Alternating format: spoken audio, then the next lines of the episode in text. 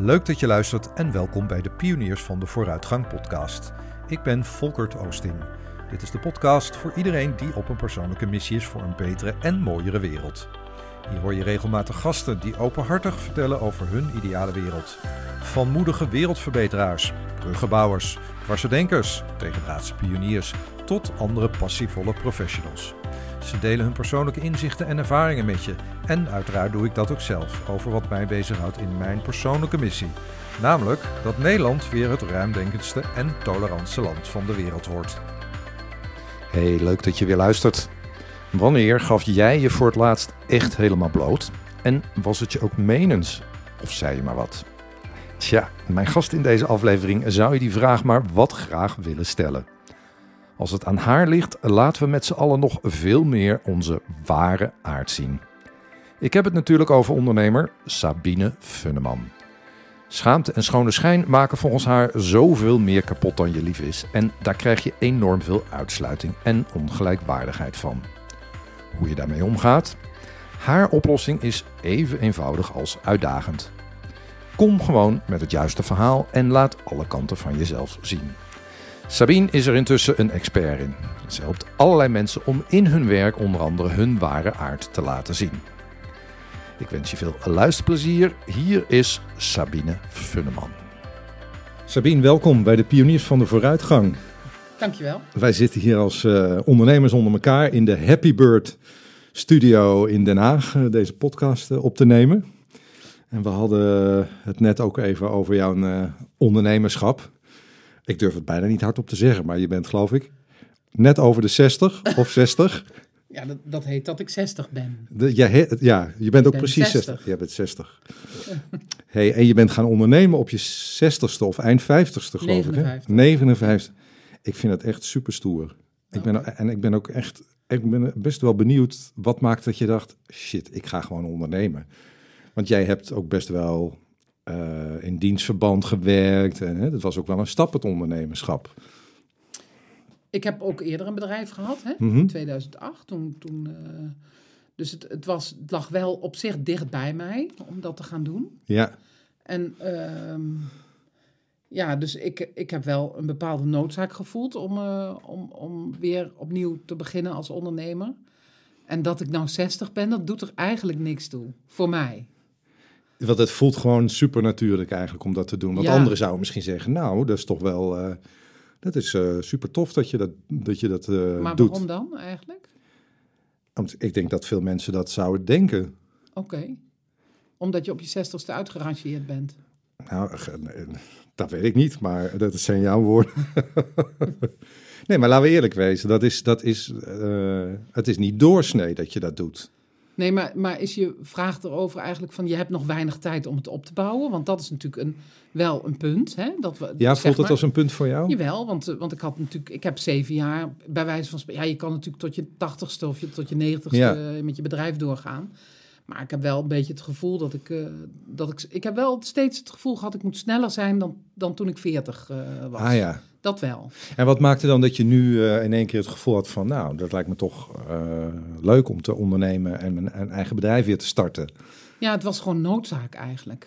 Dus okay. ik, ik was, um, ik, ik heb besloten na mijn laatste dienstverband, dat doe ik nooit meer. Wat, nooit meer, een dienstverband. Ja, dat klinkt wel eens echt heel nooit definitief. Meer. Ja, dat doe ik nooit meer. Ja, en dat had niks te maken met dat ik 60 was, maar met dat ik gewoon niet gedij in een dienstverband. En dat ik eigenlijk het gevoel had dat ik, uh, en dat blijkt ook zo te zijn, dat ik in mijn, uh, in mijn ondernemerschap eigenlijk, dat dat een heel goed ja, hulpmiddel, zal ik maar zo zeggen, is om mijn eigen talenten te laten zien en daarmee te gaan werken. Ah ja, want eigenlijk had je het gevoel dat in, in een dienstverband, ja, dat je met dat talent niet helemaal uit de voeten kon of zo. Nee, het was altijd hinkstapsprongen. Ah, oké. Ja, dus dat lukte eigenlijk niet goed. Dus ik moest me altijd inhouden of um, ja, op een zijspoortje gaan lopen of toch maar weer weggaan of Ja. zo. Uh, als ik dacht van nu, uh, nu ben ik echt juist goed bezig. En, en welke kant van jezelf ehm, hield je dan in eigenlijk? Eigenlijk, um, eigenlijk, als ik het heel compact zeg, uh, de zoektocht naar het juiste verhaal. En dat is eigenlijk ook waarom ik mijn bedrijf het juiste verhaal heb genoemd.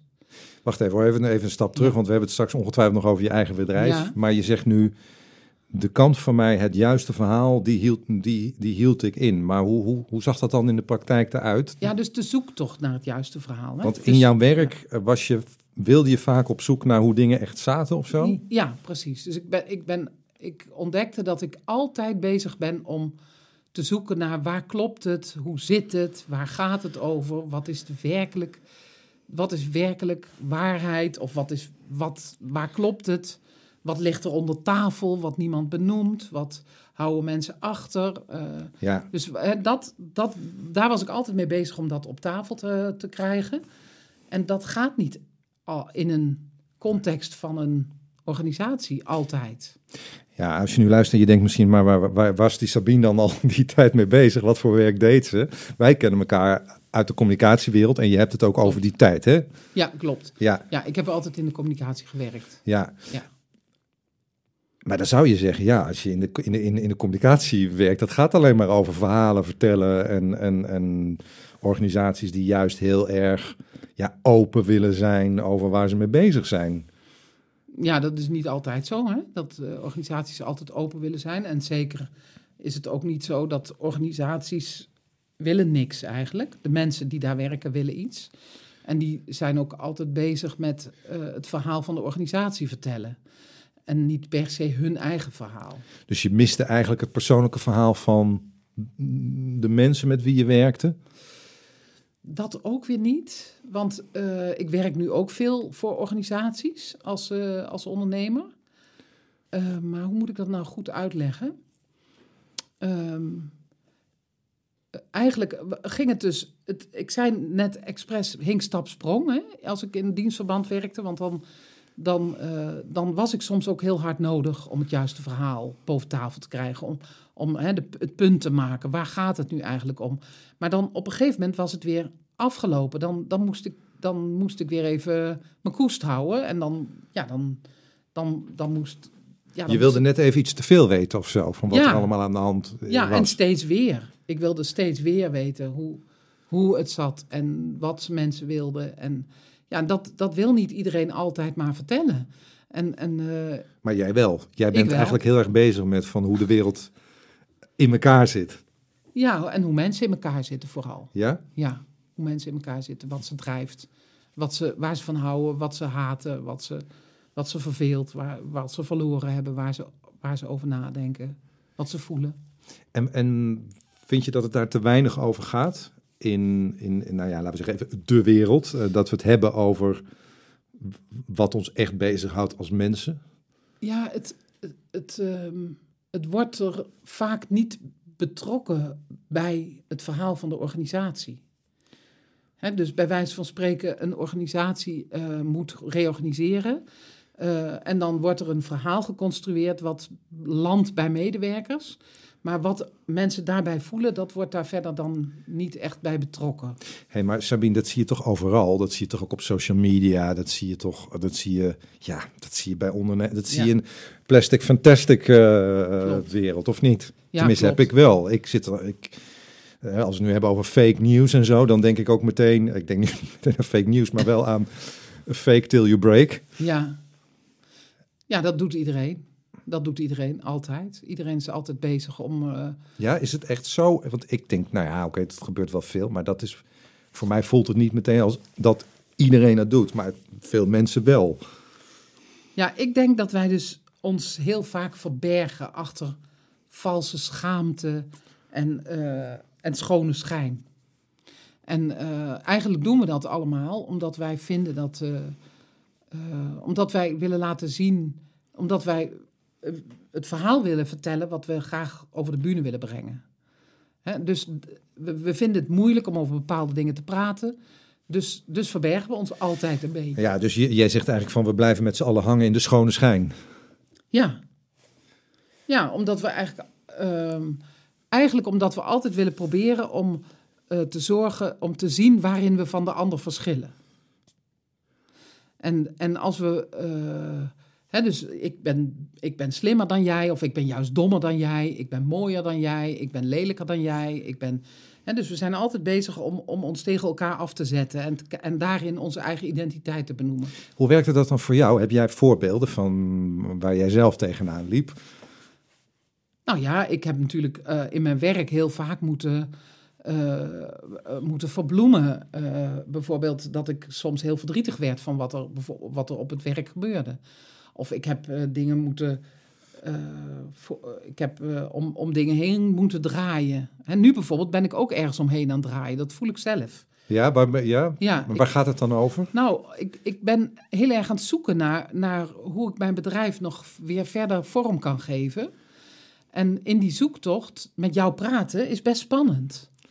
Ja. Want ik heb het niet pan klaar voor jou, kan ik het neerleggen, hoe het zit. Ja. Maar ik heb, ik heb, ja, weet je, ik heb ook nog niet echt zo eh, jou de vraag gesteld van vertel eens over je bedrijf. Ik ben vooral heel erg benieuwd. Ja, Wat ik. maakt dat je op je Ja. 60ste, 59ste Ja, gaat ondernemen en wat je daarin drijft? En dan hoor ik jou vooral zeggen, ja, Volkert, eh, die wereld eh, in de schone schijn, daar wil ik wel, daar wil ik iets mee. Daar deed ik al iets mee in, in, in, in, in organisaties toen ik daar in dienst was. Maar als ondernemer kan ik daar veel meer mee.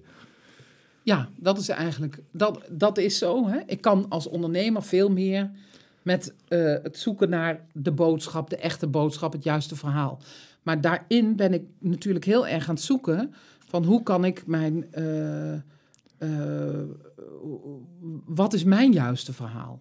Ik trap natuurlijk zelf ook steeds in die val.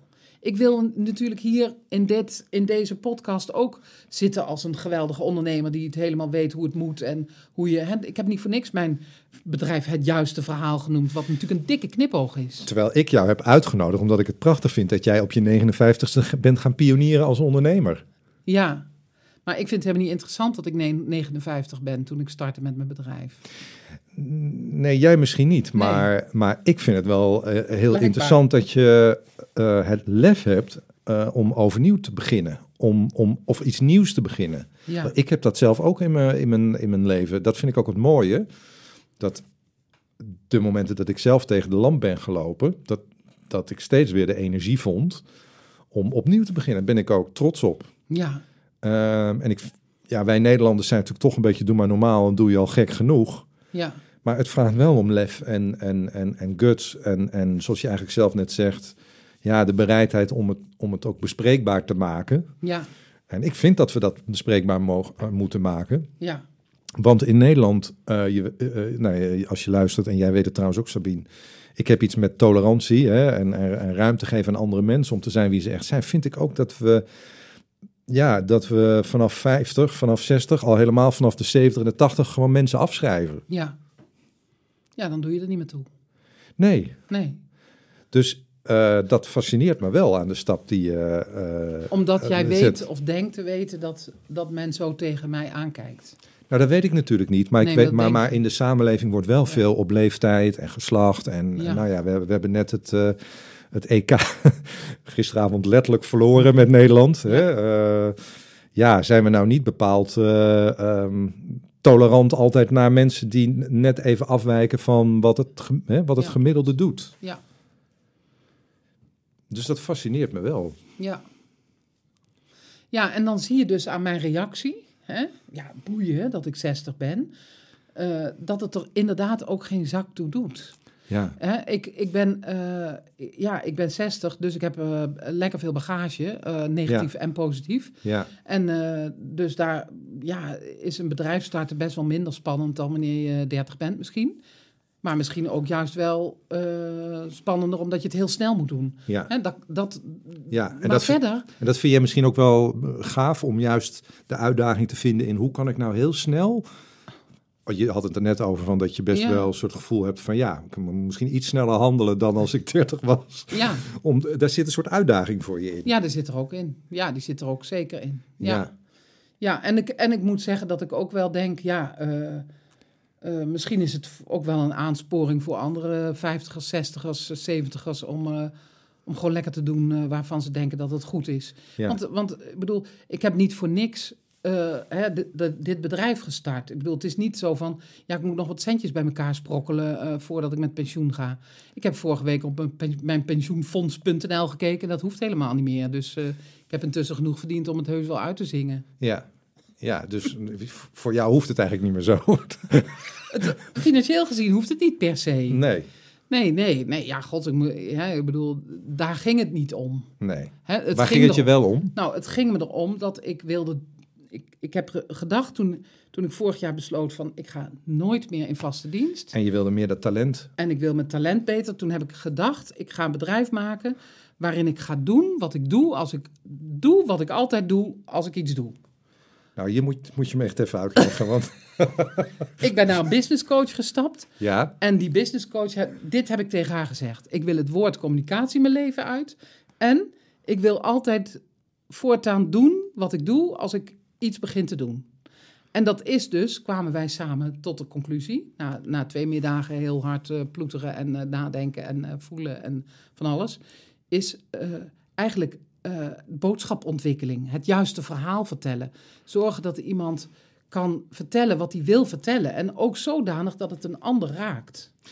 Dat is wat ik altijd doe als ik doe wat ik doe, wat ik doe. ja en, en ik, ik vind het ook prachtig dat jij daarvoor de term het juiste verhaal hebt eh, gepakt. Ja, Dat suggereert ook iets alsof er een onjuist verhaal is. ja. Grappig, hè? Ja. Ja, dus dat, dat snap ik, dat je dat denkt. Ik moet er ook altijd een beetje om lachen. En eh, op, op de een of andere manier heeft het juiste verhaal aan de ene kant een onweerstaanbare aantrekkingskracht op mensen.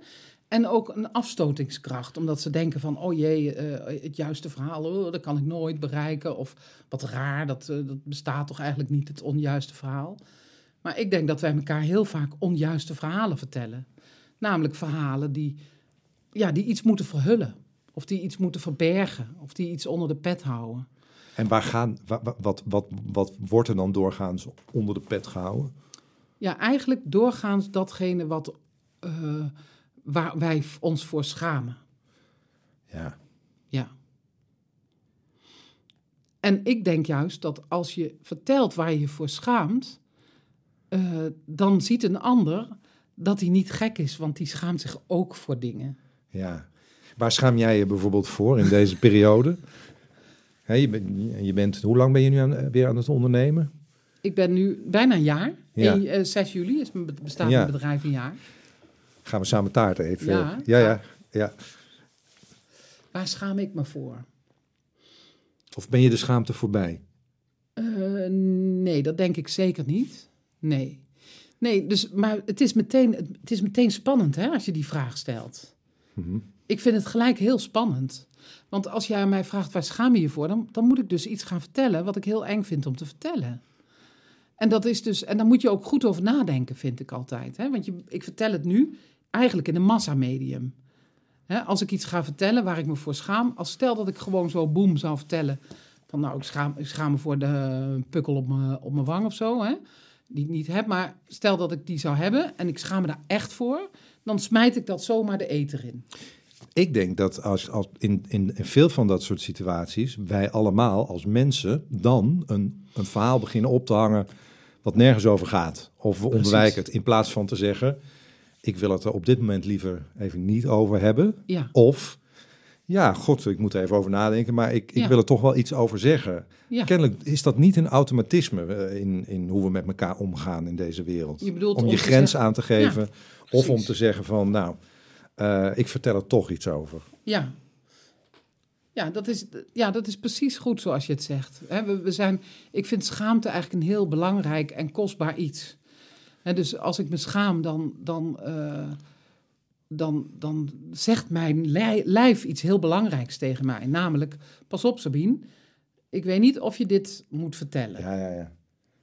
Terwijl ik het gevoel krijg weer door jouw reactie van... oei, dat is misschien te direct- directe vraag geweest, Volkert. Ja, zou kunnen. Ja, Ja, maar ehm, ik ben wel, net als jij, heel nieuwsgierig naar wat mensen drijft. ja, Ehm, ook als het gaat over de dingen die ongemakkelijk zijn. ja. Eh, maar zeg je dan nu ook van, nadat ik je deze vraag heb gesteld... van het wordt nu wel een beetje, een beetje te ongemakkelijk? Nee, ik wil eigenlijk. Kijk, ik zeg altijd van het juiste verhaal. Hè, dus dat verhaal wat, het, wat je ware aard eigenlijk laat zien. Dat is een zoektocht. En dat is niet een panklaar iets. Dus ik kan, als jij aan mij vraagt waar schaam jij je voor, dan ga ik niet gewoon rechtstreeks tegen jou zeggen waar ik me voor schaam. Mhm. Want dat vind ik veel te eng. Vind ik veel te moeilijk. Mhm. Dus, dus daar heb ik mijn bedrijf voor opgericht. Om mensen te helpen daarover na te denken. Oké, wat ga je nou wel vertellen en wat niet? Wat is relevant om te vertellen Ja. en wat niet? En wat weerhoudt je dan om het niet te vertellen? Nou, ehm, het, ik denk dat een. Dat, ehm, ehm, nou, dat kun- kan van alles zijn. Hè? Het, het, kan zijn. het kan bijvoorbeeld zijn dat ik niet wil de aandacht vestigen op iets waar, waar ik zelf ook liever mijn ogen voor sluit. Mhm. Of eh, het kan zijn dat ik me eh, bang ben dat iemand mij daarom zal veroordelen. Eh, het kan ook zijn dat het iets is waar, ehm, waar ik op word afgerekend. Ja. Hè, dus ik heb me bijvoorbeeld heel lang geschaamd voor het feit dat ik een paar keer in mijn werkende leven ben ontslagen. Ah, ja. Dat kan ik je nu zo vertellen, omdat ik daarover de schaamte voorbij ben. Ja. Maar dan kan ik je, dat kan ik je dus vertellen. Hè? Ja. En, en ik heb dat niet gedaan omdat ik altijd bang was om... Ja, dat dan in een volgende baan me, mensen zouden zeggen van... Ja, vertel eens, waarom, ben je dat, eh, waarom is Ja. dat gebeurd? En hè, dat me dat aangerekend zou worden. Ja. Dat ik eh, niet geschikt zou worden eh, geacht. Ja. En, ehm, maar ik denk dat ik dat nu zou vertellen. Nu vertel ik het jou, omdat ik graag iets wil illustreren. Ja. Omdat ik het belangrijk vind om, om, als jij aan mij vraagt waar schaam je je voor, wil ik graag illustreren en willen we even praten over wat betekent dat dan. Maar als ik jou nu plomp verloren iets zou vertellen waar ik me echt voor schaam, ja, dan, dan, ja, dan heeft dat dan nut. Eh, zadel ik jou daar dan misschien eh, eh, met iets op? Wat, wat, Ja. Of doe ik iemand anders pijn over wie dat misschien gaat? ja. Dat zijn Nou, belangrijke dingen. Nee, zeker. Maar eh, Ja. uiteraard respecteer ik natuurlijk wat jij, hè, dat jij zegt van joh, ja, eh, dat doe ik niet meteen. Maar ik denk ook dat het meteen illustreert waar we met z'n allen in het dagelijks leven tegenaan lopen. Ja, Dat we van alles beginnen te bedenken als, Ja. die, als die vraag speelt. Of in, ik houd bij mezelf, in mezelf, of ik, of ik zie het bij jou, ik zie aan, aan, eh, aan jou dat, dat, dat je iets bezighoudt waar je misschien een beetje voor schaamt. En dan wordt het ongemakkelijk. En dan gaan we een beetje spastisch. ja, dan gaan we er een beetje omheen. Ja, Hè? Dan gaan we er een beetje, of we maken er iets mooiers van Ja. dan wat het is. Kijk, het hoeft ook we. geen Oprah Winfrey-achtige eh, setting te zijn van Nee. throw out the shit in the first five minutes. Nee, zeker niet. En, Ehm. en dat is ook helemaal niet wat ik. Hè, ik heb ooit een, een filmpje gemaakt over eh, social media gebruik. Waarbij ik eh, gewoon heel nadrukkelijk heb gezegd: van het is massamedium. Ja, Je, je, je zegt. eh, eh, praat met je vrienden over je diepste pro- eh, problemen, maar niet op social media. maar vind je dan misschien ook dat we, ehm, want dat zou ik dan bijna denken, wat te exhibitionistisch aan het worden zijn op social media of op tv, allemaal allerlei soorten programma's waar mensen hun ziel en zaligheid eh, de eter in gooien? Ja, nou ja, ik vind het soms best wel leuk als mensen dat doen, want dan zit ik me eraan te verlustigen op de bank. Ja, Dus ik vind dat wel fijn soms dat mensen het doen. Ja. En aan de andere kant heb ik dan ook wel met ze te doen. ja, Dan denk ik, ja, de volgende keer dat ik jou tegenkom in de supermarkt, weet ik dat je afgewezen bent door iemand bij eh, eh, Lang Leven de Liefde. ja. Het is wel gek hè eigenlijk, want ja, eh, we, we worden met z'n allen een beetje, hoe zeg je dat? Nou ja, getraind wil ik niet zeggen, maar ik zit nu in één keer te denken aan alle CEO's die sorry hebben gezegd, terwijl een aantal misschien het helemaal niet meent, eh, omdat toevallig een communicatieadviseur Ja. of de Raad van Commissaris heeft gezegd van je, u moet sorry zeggen.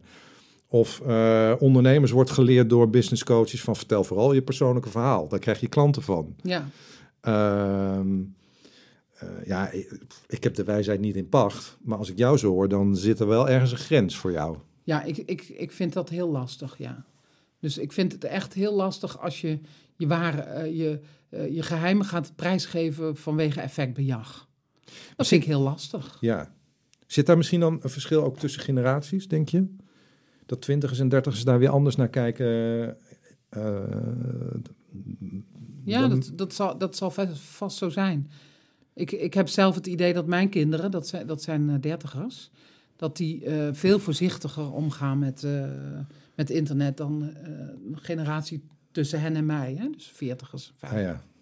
Dus ik denk dat dat wel een golfbeweging is. Ja. En eh, hè, dus dat, dat, eh, dat mensen ehm, ja, dat. dat hè, de- je, je kan natuurlijk ook een beetje blij zijn met een heleboel aandacht. Hè? Als, je, Ja. als, je, als je je poes iedere dag voor, eh, fotografeert.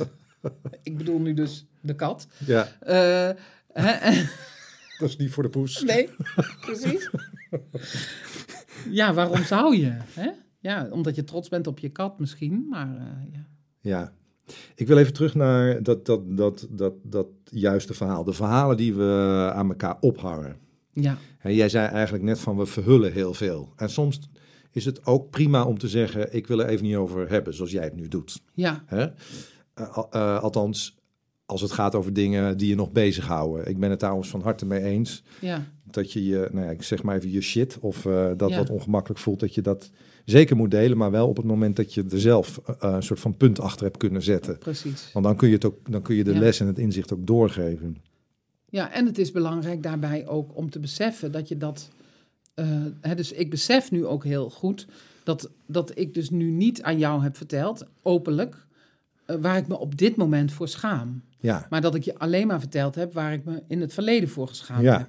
En, en dus dat doe ik willens en wetens. En, en Ja. daar probeer ik mensen in mijn bedrijf van bewust te maken en ook vaardig in te maken. ja. En dan terug naar dat, eh, eh, eh, eh, terug naar dat verhaal. Ja, Stel, we vertellen elkaar allemaal ehm, hoe het zit ja. met ons, met mezelf en met jou en hoe je voelt. Waarin ziet de wereld er volgens jou dan anders uit? In vergelijking met hoe het nu is. Nou, ik denk dat als je. eh, als we ophouden met eh, de schone schijn en eh, de valse schaamte. en we vertellen ons. we vertellen elkaar onze ware aard. Hè, dan zie je dat we allemaal gewoon mensen zijn. en heel verschillend, maar wel gelijkwaardig. Ja, ja dus jou gaat het om eh, de ware aard Ja, die mensen laten zien op het moment dat ze iets over zichzelf vertellen. ja de ware aard. Ja. En dat betekent dus niet dat je maar alle shit op tafel gooit, maar wel dat je echt vertelt waar het over gaat. En dat kan dus ook zijn, joh, ik heb nu eigenlijk niet zo zin om te vertellen waar ik me op dit moment voor schaam. Ja, ja, ja. En ehm, dus, weet je, ik zoek, ik zoek wel oprecht nog naar van... Voor mij gaat het erom dat mensen, dat als wij ons, onze ware aard aan elkaar laten zien, dat we dan zien dat we gelijkwaardig zijn. Ah ja, Daar gaat het mij om. ja, ja. Daar gaat het mij om. En dat als we dat namelijk. Hè, dus, en, dat, dat we, en mijn overtuiging is dat we dat proberen te verbergen om, om ons tegen elkaar af te zetten. Mhm. En, dus als we dat, en, en ik wil mensen eigenlijk aansporen om dat niet te doen. Zijn we dan zo vaak eh, elkaars niet gelijke? Zoeken, we- zoeken we dat een beetje op met z'n allen ook? Ja, ik denk dat, dat, dat de mens heeft twee grote behoeften. Hè, twee, twee, de grootste behoefte van de mens is om bij elkaar te horen en om Ja. ons van elkaar te onderscheiden. Hè. Dat zijn eigenlijk tegenstrijdige behoeftes. Hè. De behoefte aan autonomie Ja. en de behoefte aan contact. En die strijden heel vaak met elkaar. En op het moment dat ik denk dat jij meer verdient dan ik, ja, dan, en ik vind dat vervelend, dan komt ineens mijn behoefte aan autonomie naar boven. En die zegt dan van, eh, ja, wacht eens even, maar ik ga niet vertellen dat ik minder verdien dan jij. Maar ik ga wel even laten zien dat ik toch wel een hele mooie auto heb. Ja, ja. Dus we leven, dat zie ik natuurlijk zelf ook al, we zitten in een enorme prestatiewereld. Ja, En in een wereld waar we voortdurend eh, bezig zijn om ons individuele geluk na te jagen. Ja, Alsof het nooit op kan, de- al dat geluk. We zijn vooral met ons, met ons eigen geluk bezig. Nou ja, volgens mij zijn er ook een aantal Belgische professoren die hier ja. heel wat over roepen. Ja, klopt. Eh, Ja. en, en, en, en dan is het soms wel heel eh, handig om er een soort van verhaaltje voor klaar te hebben liggen. Wat je de buitenwereld vertelt. Ik sta op een borrel. Wat doe jij voor werk? Eh, ja, en, en oké, en heb je dan ook een auto van de zaak? Nou ja, ik, ik Ja. maak maar een beetje te stereotyp dit. maar daar heb je het dus over. Ja, daar heb ik het over. Dat we dat de hele tijd aan het doen zijn. En, en dat we de hele tijd proberen om onszelf mooier voor te doen dan we zijn. Eh, om de ander te imponeren. Of, en, en ik zie ook heel veel mensen die, hè, dat is misschien nog wel erger, eh, mensen die zichzelf kleiner voordoen dan de ander. Ja. Hè, omdat ze eigenlijk niet durven te laten zien Ja. hoe goed ze wel niet zijn. Ja. En dat, we, hè, dat, dat, dat komt voort uit die behoefte aan autonomie en aan, Ja. aan eh, onderscheidingsvermogen.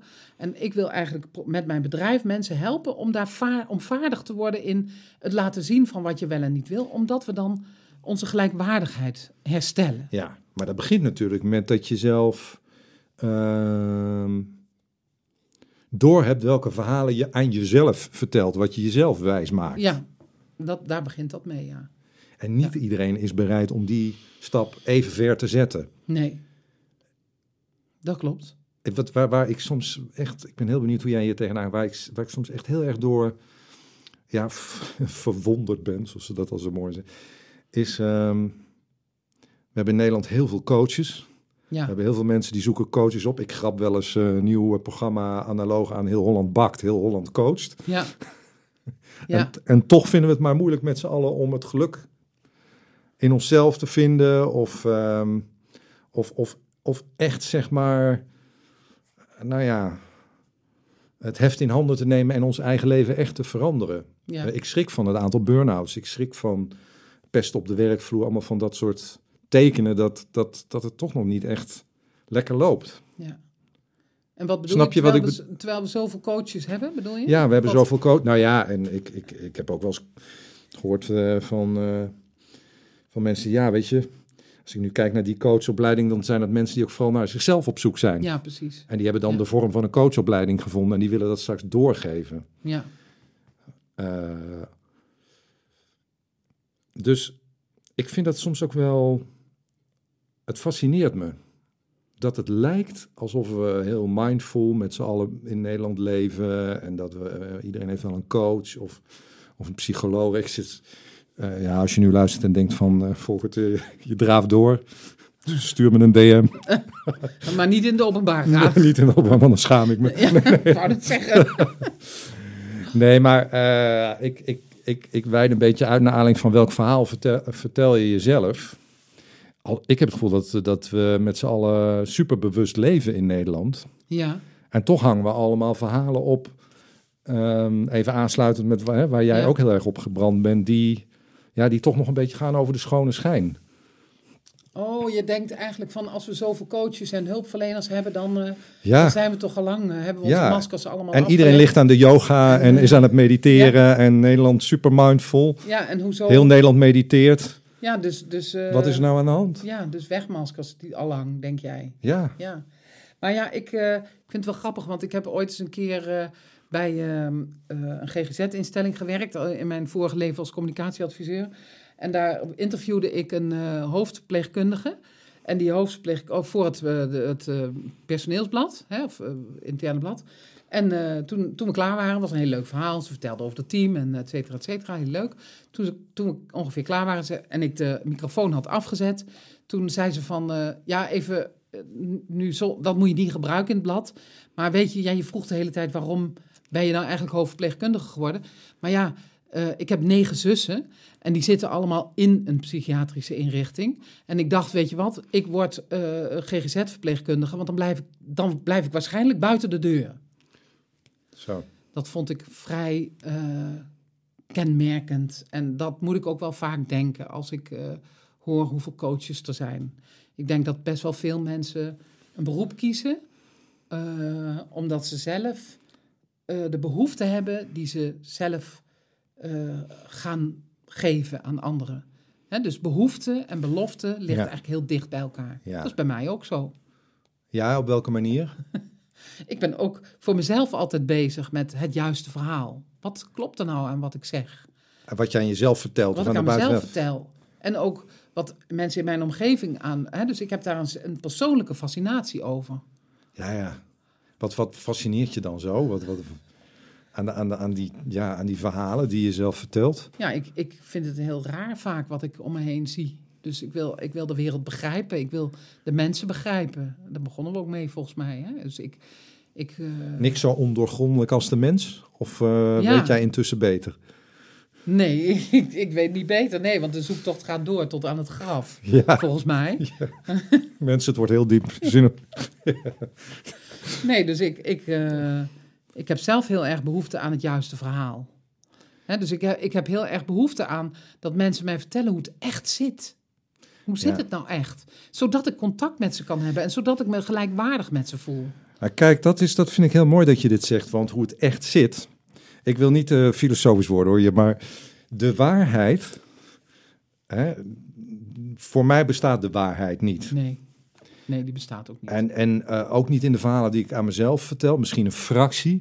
Omdat, nou ja, dat weten we allemaal. Ook als jij luistert, zul je dat herkennen. Dat je veel in je onderbewuste hebt zitten. En in één keer plopt er iets uit als er stress is of wat dan ook. En dan schrik je het leblazers. Hè? Of je piekert of je ligt wakker. Ehm, dus wat, wat waar is, dat, dat, ja, dat is bijna een onmogelijke vraag. Ja, En daar, dat vind ik ook wel fascinerend aan wat jij doet met je verhalen. Eh, je wil eigenlijk waarheidsgetrouwe verhalen. En, die best- en, en toch bestaat de waarheid niet helemaal. nou ja, de waarheid. Ik, ik gebruik dat woord waarheid ook liever niet. Want dat Maar suggereert... ik wel. Ja, nee, dat is heel goed. Maar dat suggereert alsof er een soort absolute waarheid is. Hè? Maar eh, voor, jou, eh, voor jou is er wel een waarheid aan hoe jij de wereld ziet. En, dat is dan voor jou, dan is juist. jouw juiste verhaal. ja, Dat is jouw juiste verhaal. ja. Maar hoeft nog niet voor iemand anders zo te zijn. Nee, nee. En, Nee. en ik ben er ook door gefascineerd dat jouw juiste verhaal voor mij een heel ander verhaal kan zijn. Ik heb me de hele coronaperiode echt enorm verbaasd over hoe mensen naar de werkelijkheid keken. Ja. En, en eh, Want wat, wat, wat, wat, wat ja, frappeerde je dan? Nou, ik heb zelfs met hele goede vriendinnen hele, hele heftige discussies gehad over, eh, over hoe, we, hoe, we met corona omgingen. Ik bedoel, dat, en heel veel mensen zeggen ook van het is een splijtswam, in, hè, ook in vriendschappen en in families. Eh, en en, en in, die hele, in dat hele gesprek over corona eh, bleek gewoon dat, dat mensen ja, daar heel verschillend over kunnen denken. Maar het is wel dezelfde, we leven wel in dezelfde werkelijkheid. Ja. We leven in dezelfde wereld, we, leven, we hebben dezelfde eh, regering. En, en toch kijken we allemaal diametraal anders naar, naar diezelfde werkelijkheid. En dan heb je natuurlijk ook heel snel van, over van hoe, hoe respecteren we mekaars verhaal of de manier waarop we naar de wereld kijken. Ja, Hoe kijk jij daar tegenaan? Nou, hoe, hoe, hè, dat respect, zeg maar, ook met, je noemt nu het voorbeeld van COVID. Dat, is, dat, dat, dat, dat herken ik ook, wat je nu schetst. ja. Ehm, gaan we respectvol met elkaars verhalen om? En gaan we ook respectvol, een beetje mild naar onszelf om met de verhalen die we onszelf vertellen? Want Ja. verhalen kunnen ook een hard, een ruw en een hard, ruw, rauwig randje hebben. Ja, klopt. Ja, en dat heeft dus vaak te maken met het feit dat we niet willen accepteren dat de ander anders naar de werkelijkheid kijkt dan wij. Ja, En eh, ik, vind, ik vind dat soms ook heel moeilijk. Ik vind dat soms heel moeilijk. Ik vind het heel moeilijk als mensen eh, zich niet laten vaccineren, bijvoorbeeld. Dat vind ik heel moeilijk. En, en dan kan ik, ik merk dat ik als, ik dat, als iemand dat aan mij vertelt, hè, dan, eh, dan wil ik het wel horen. Want ja, ik, ik, ik, ja, ik vind dat- dat ik daarnaar moet luisteren en ik vind dat ik daarnaar moet vragen. Maar ik voel dan bij mezelf een enorme drive om te overtuigen. Dus eigenlijk niet om te, te maar vind je het dan luisteren. respectloos eh, dat iemand dat doet, eh, Sabine? Of, Nee, ik bedoel meer van eh, dat ik bij mezelf merk dat ik geen respect. ja, dat bedoel jij ook. Ja. Nee, dus inderdaad. Hè, dus ik voel dan een soort respectloosheid bij mezelf. ja, En daar. daar confronterend is dat. dat is heel confronterend. En Want heel jij bent niet zo, ja, Dat wil ik helemaal niet zijn. nee. Nee, dus dan probeer ik ook in, in mijn hoofd allerlei argumenten te verzinnen waarom het fout is wat die ander zegt.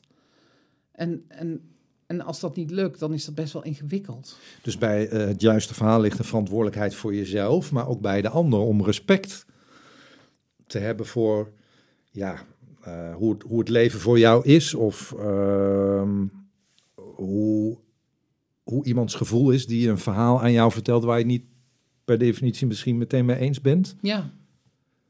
Ja, en, en het, er zitten natuurlijk ook grenzen aan. Hè? Dus je kan, eh, ik vind het zelf heel lastig om respect te hebben voor mensen die geen respect hebben voor anderen.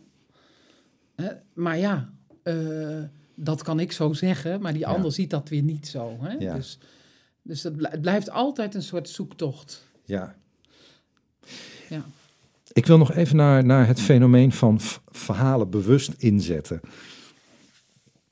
Ehm, heel veel marketeers en communicatiemensen en eh, nou, eh, speechschrijvers. eh, die zijn allemaal bezig met het maken van verhalen.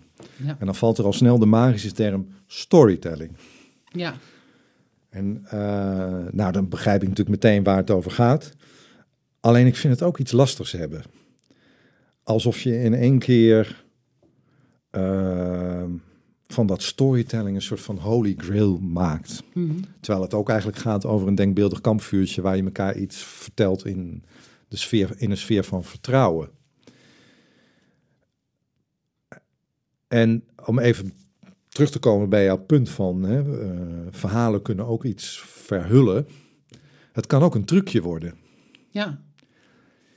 Dus ik ben wel benieuwd hoe jij aankijkt tegen, nou ja, we hadden het net over heel Holland, heel Hol- Heel, Holland coacht. Heel Holland storytelt. ja, precies. Ja, daarom heb He- ik ook, heb, jij dat, he- heb jij dat gevoel soms ook of juist helemaal niet? ja, ik heb daarom ook eigenlijk, eigenlijk expres niet de term storytelling in mijn mond genomen. En ook niet, eh, die, die bezig ik ook niet. Eh, om maar dat komt, het is natuurlijk gewoon de, vertel, de vertaling van een verhaal vertellen. Dus Ja. hè, dat zou ik natuurlijk op zich wel kunnen doen. Maar ik vind dat eh, storytelling al helemaal in de zweem zit van... ik maak een verhaal om iets naar buiten te brengen... wat ik graag wil dat, eh, dat Ja. een ander gaat geloven. En dat heeft weinig te maken met wat, wat ik wil. Graag mensen helpen om hun eigen werkelijkheid naar buiten te brengen... zodanig dat het bij een ander aankomt. Ik, ik ben wel benieuwd. Heb je een voorbeeld van iemand waarvan jij zegt, misschien wel in de politiek of iemand die met, met een zekere bekendheid, dat is nou typisch iemand die is doorgeslagen in, in, in eh, verhalenmakerij? Heb je even? Ja, nou goed, begin maar met één dan. want- Nou ja, ik bedoel, ik, ik heb het idee dat. eh, eh, ja, het is ook wat. Hè? Moet je mensen gaan zwart maken, vind ik ook een beetje lastig. Maar eh, ik vind dat eh, Hoekstra van het CDA echt eh, één groot storyboard is. Ik bedoel, ik geloof hem gewoon niet. Als hij begint te vertellen, dan, dan denk ik van... S'avonds in je bed denk je wat anders. En, en ik geloof hem gewoon niet. Ik geloof hem gewoon niet. En da- dat is voor mij al genoeg om, om te denken van... Ja, dat is een verhaaltje, een, een story, een, een, een, iets wat je verzonnen hebt om, om door die televisie heen te douwen. En, en doet, doet hij dat dan of is het de communicatiefabriek achter eh, de minister? Nou, hij is net zo goed verantwoordelijk voor wat hij uit zijn mond laat ja. rollen. Ja. Maar, maar er zitten natuurlijk, natuurlijk zijn er allerlei mensen die hem daarbij helpen. En daar komt dus jouw punt ook van, zorg nou als jij een verhaal eh, namens een organisatie eh, vertelt, dat, dat het ook een persoonlijk iets in zich Ja. draagt. Ja, En wat gaat je dan, dit is dan een organisatie, maar je vertelde net ook over mensen die hun persoonlijke verhaal vertellen. Wat gaat je dan zo aan het hart eh, als iemand niet alle kanten van, het, van een verhaal laat, laat zien?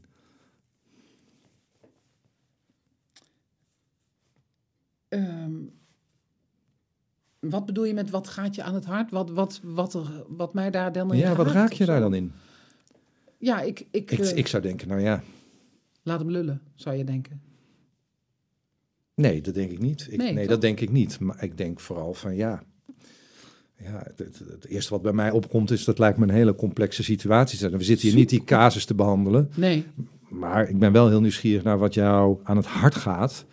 In het helpen van mensen of het, het helpen van deze, de wereld om je heen. Jouw ideale wereld, zou je Ja. kunnen zeggen. Om alle kanten van het verhaal te laten zien. En vooral ook die persoonlijke kant. Ja, maar dat is niet, dat is niet helemaal. eh, eh, kijk, ik denk dat als je vanuit jezelf praat, hè, dat je dan al heel snel alle kanten van het verhaal laat zien.